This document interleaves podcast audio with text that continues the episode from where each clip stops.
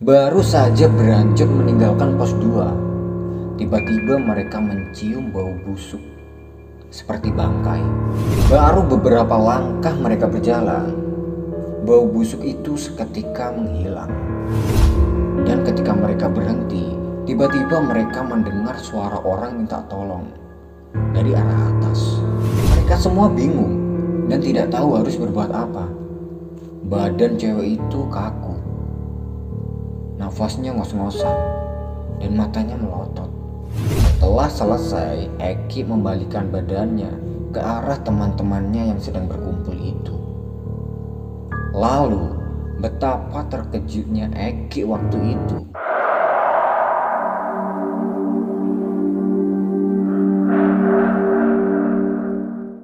Halo teman-teman, di mana pun kalian berada semoga tetap sehat selalu. Masih dengan gua Vidi. Di video kali ini gua mau bercerita tentang pengalaman mistis yang dialami oleh Agus dan Eki ketika ia mendaki ke Gunung Selamat. Kejadian mistis ini dialami Agus dan Eki ketika ia berada di pos Samarantu, tepatnya di pos 4 jalur pendakian via Bambangan. Seperti apa ceritanya?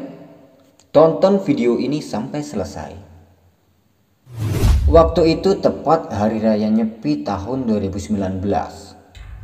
Dan di sini Agus dan Eki merencanakan untuk mendaki ke Gunung Selamat. Karena mereka mendapat libur kerja selama tiga hari. Di antara mereka berdua, Aguslah yang udah pernah mendaki ke Gunung Selamat. Tapi itu udah lama, sekitar tahun 2017 silam. Jalur pendakian Gunung Selamat sebenarnya bukan via Bambangan doang ada yang via Guci, Batu Raden, via Dawuhan, dan lain sebagainya. Tapi jalur yang akan mereka lalui kali ini adalah jalur via Bambangan di Purbalingga. Karena jalur via Bambangan merupakan jalur favorit bagi para pendaki yang akan mendaki ke Gunung Selamat.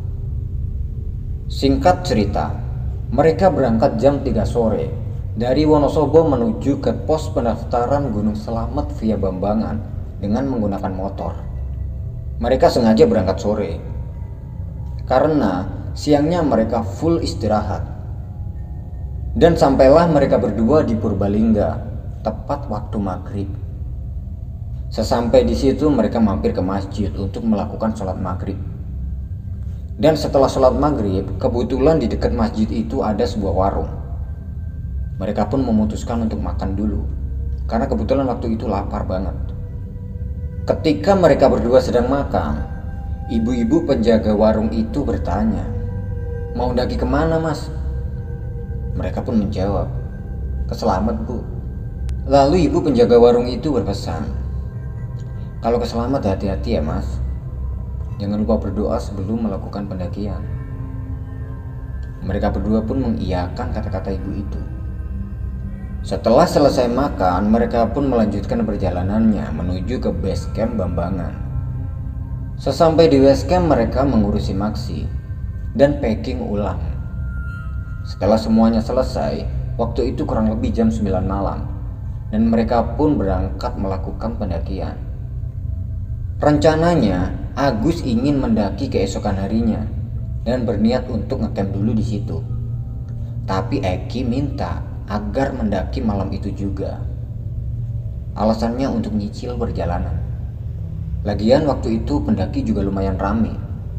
Jadi setidaknya mereka tidak sendirian dan ada temannya ketika pendakian.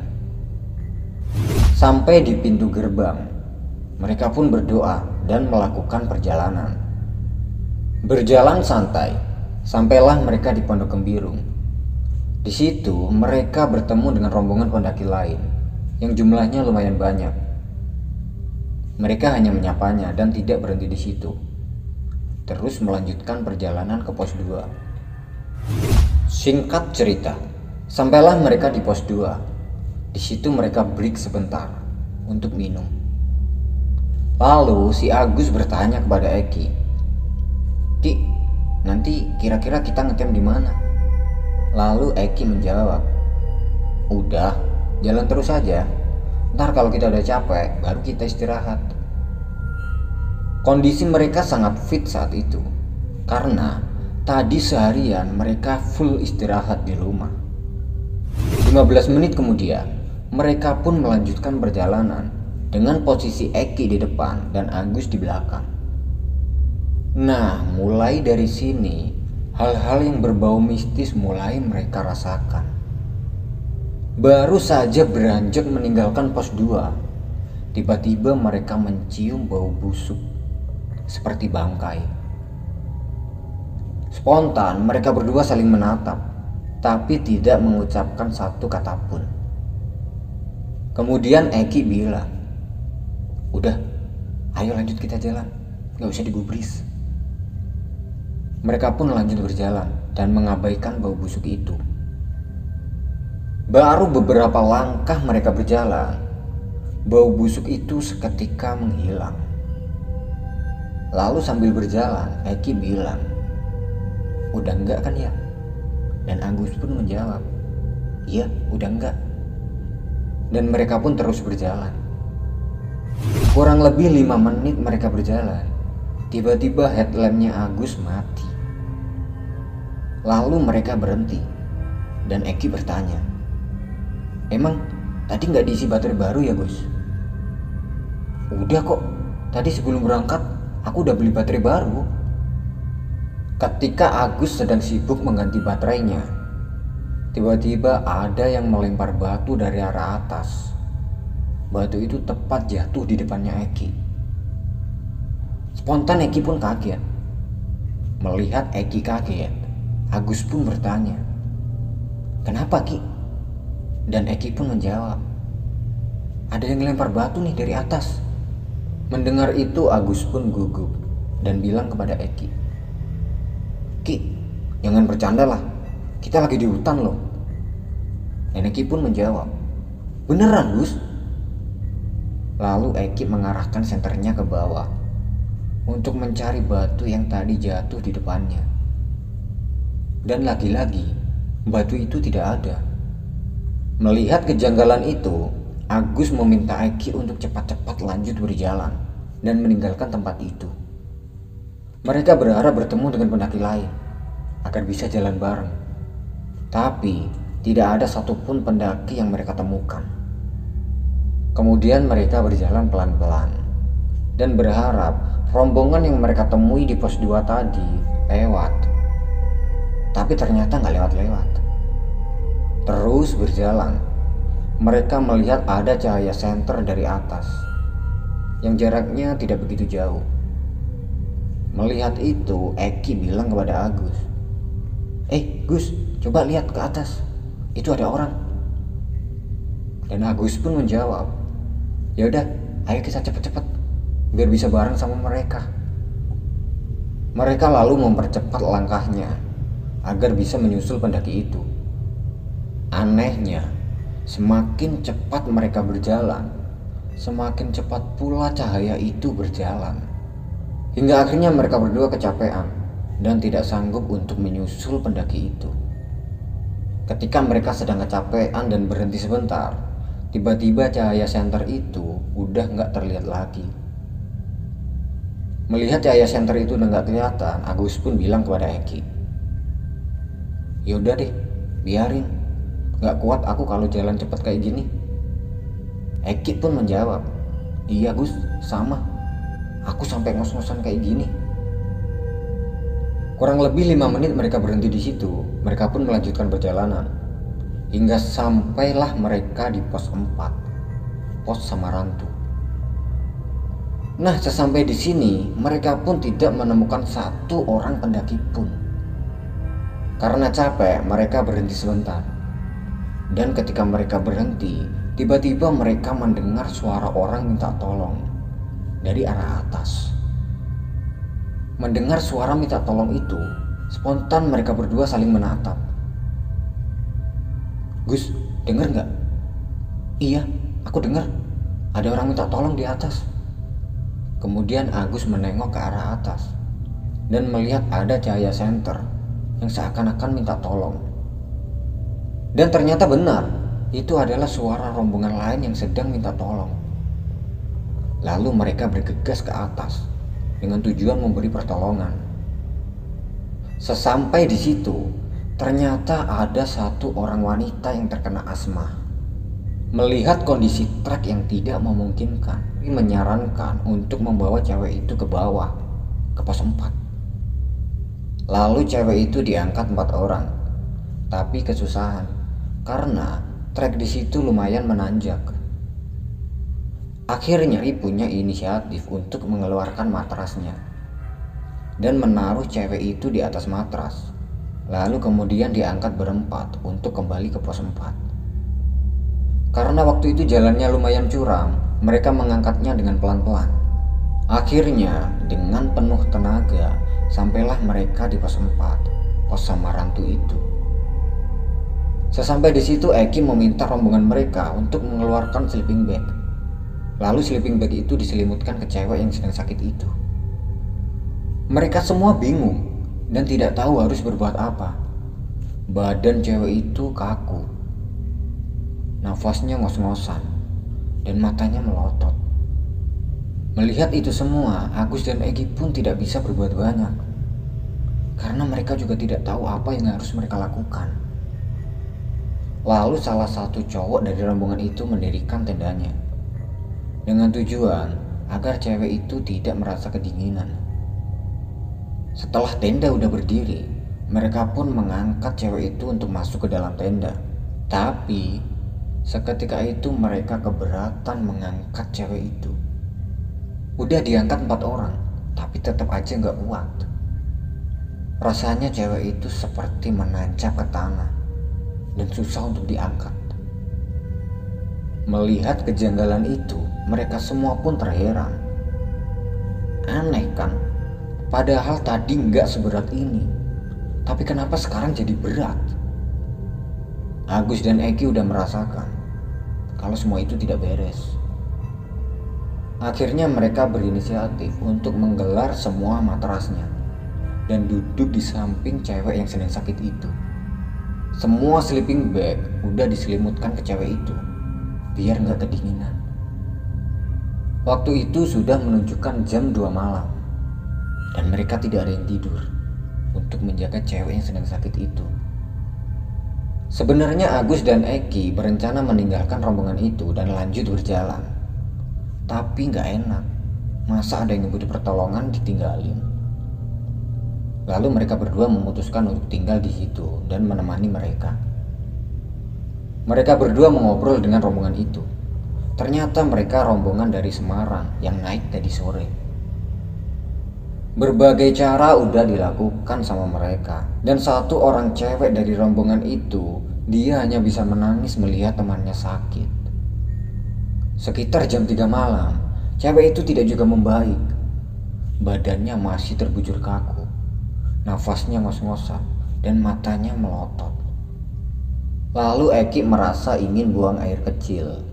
Dan Eki pun melipir jauhan ke semak-semak untuk buang air kecil. Setelah selesai, Eki membalikan badannya ke arah teman-temannya yang sedang berkumpul itu. Lalu, betapa terkejutnya Eki waktu itu. Dia melihat ada sosok hitam dan besar. Dia duduk tepat di atas cewek yang sedang sakit itu. Melihat itu, Eki sangat ketakutan. Kemudian dia memanggil temannya yang bernama Agus.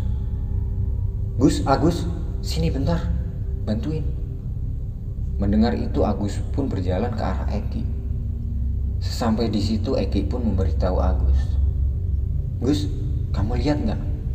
Sambil tangannya menunjuk ke arah sosok hitam dan besar itu. Tapi anehnya, Agus tidak melihat semua itu. Dan dia pun bertanya kepada Eki. Apa Ki? Itu Gus, di atas cewek itu.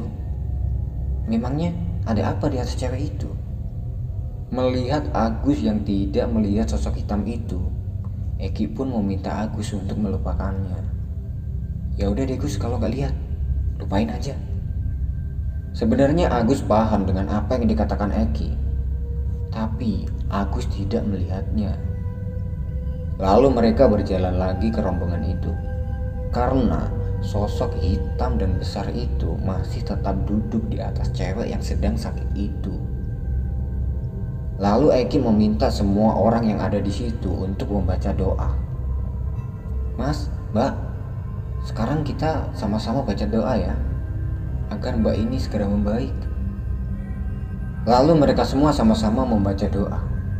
Dan Eki, dia tidak berani menatap ke arah atas karena takut. Eki membaca doa sambil memejamkan mata hingga sampailah waktu subuh. Dan cewek itu tiba-tiba membaik dan tidak ngos-ngosan lagi. Tubuhnya pun sudah tidak kaku lagi. Melihat keadaan yang sudah membaik, mereka pun menghentikan doanya dan memberi minum kepada cewek yang sakit itu. Karena waktu itu, cewek itu bilang kalau dia sedang kehausan. Setelah mereka memberinya minum, cewek itu pun tertidur hingga pagi hari. Pagi pun tiba. Cewek itu terbangun. Dan pada saat itu, mereka bertemu dengan rombongan pendaki lain yang kebetulan mereka sedang naik. Mereka berjumlah lumayan banyak. Ternyata mereka adalah rombongan yang Agus dan Eki temui di pos 2 semalam. Mereka semua istirahat di pos 4. Lalu Agus dan Eki menyarankan keempat orang itu untuk tidak melanjutkan perjalanannya dan kembali turun. Karena kasihan sama ceweknya yang tadinya sakit itu. Merasa berhutang budi dengan Agus dan Eki, keempat orang itu mengucapkan terima kasih banyak kepada mereka berdua dan memberikan sisa logistiknya untuk Agus dan Eki. Karena mereka sudah berniat untuk tidak melanjutkan perjalanannya dan kembali turun. Empat orang tadi pun kemudian turun Lalu Agus dan Eki ikut berjalan dengan rombongan yang berjumlah banyak tadi. Singkat cerita, sampailah mereka di pos 7 pada siang hari. Mereka memutuskan untuk ngecamp dulu, karena waktu itu mereka merasa lelah dan ngantuk karena semalaman mereka nggak tidur. Di situ Eki menceritakan kepada Agus tentang apa yang ia lihatnya semalam di pos 4, di pos Samarantu. Mendengar cerita dari Eki itu, Agus pun ikut merinding. Meskipun dia tidak melihatnya secara langsung. Mereka pun beristirahat semalaman di situ dan berencana samit keesokan harinya. Waktu itu di pos 7 lumayan ramai karena banyak orang yang sedang ngecamp di situ. Keesokan paginya sekitar jam 6 pagi mereka pun samit hingga sampai di puncak Surono sekitar jam setengah 10 pagi. Satu jam setelah mereka puas di puncak, mereka pun kembali turun ke pos 7 Samyang Kendil. Karena mengejar waktu, besoknya mereka sudah masuk kerja. Mereka pun berencana untuk turun waktu itu juga. Dan waktu itu mereka mendapat barengan rombongan lain. Turun, turun, turun. Sampailah kembali mereka di pos 4 Samarantu. Di situ Eki melihat-lihat keadaan sekitar dan mengingat sosok hitam yang semalam ia lihat. Mengingat itu, seketika bulu kuduk Eki berdiri. Dia merasa merinding, seperti ada sosok gaib yang sedang mendekatinya. Dari situ Eki percaya bahwa Samarantu menyimpan sebuah misteri dan bukan hanya cerita belaka. Mereka pun lanjut jalan turun hingga sampai di base camp kurang lebih jam 4 sore. Setelah sampai di base camp, mereka bergegas untuk pulang. Karena mengejar waktu, besoknya mereka sudah mulai masuk kerja. Nah, gimana ceritanya teman-teman? Kasih pendapat kalian di kolom komentar. Oh iya, buat teman-teman yang punya pengalaman mistis di gunung ataupun di tempat lain dan ingin di-share di channel ini, Teman-teman bisa kirimkan ceritanya ke email ini. Atau link lengkapnya teman-teman bisa cek di kolom deskripsi. Terima kasih sudah menonton. Gua Vidi dan sampai bertemu di video berikutnya.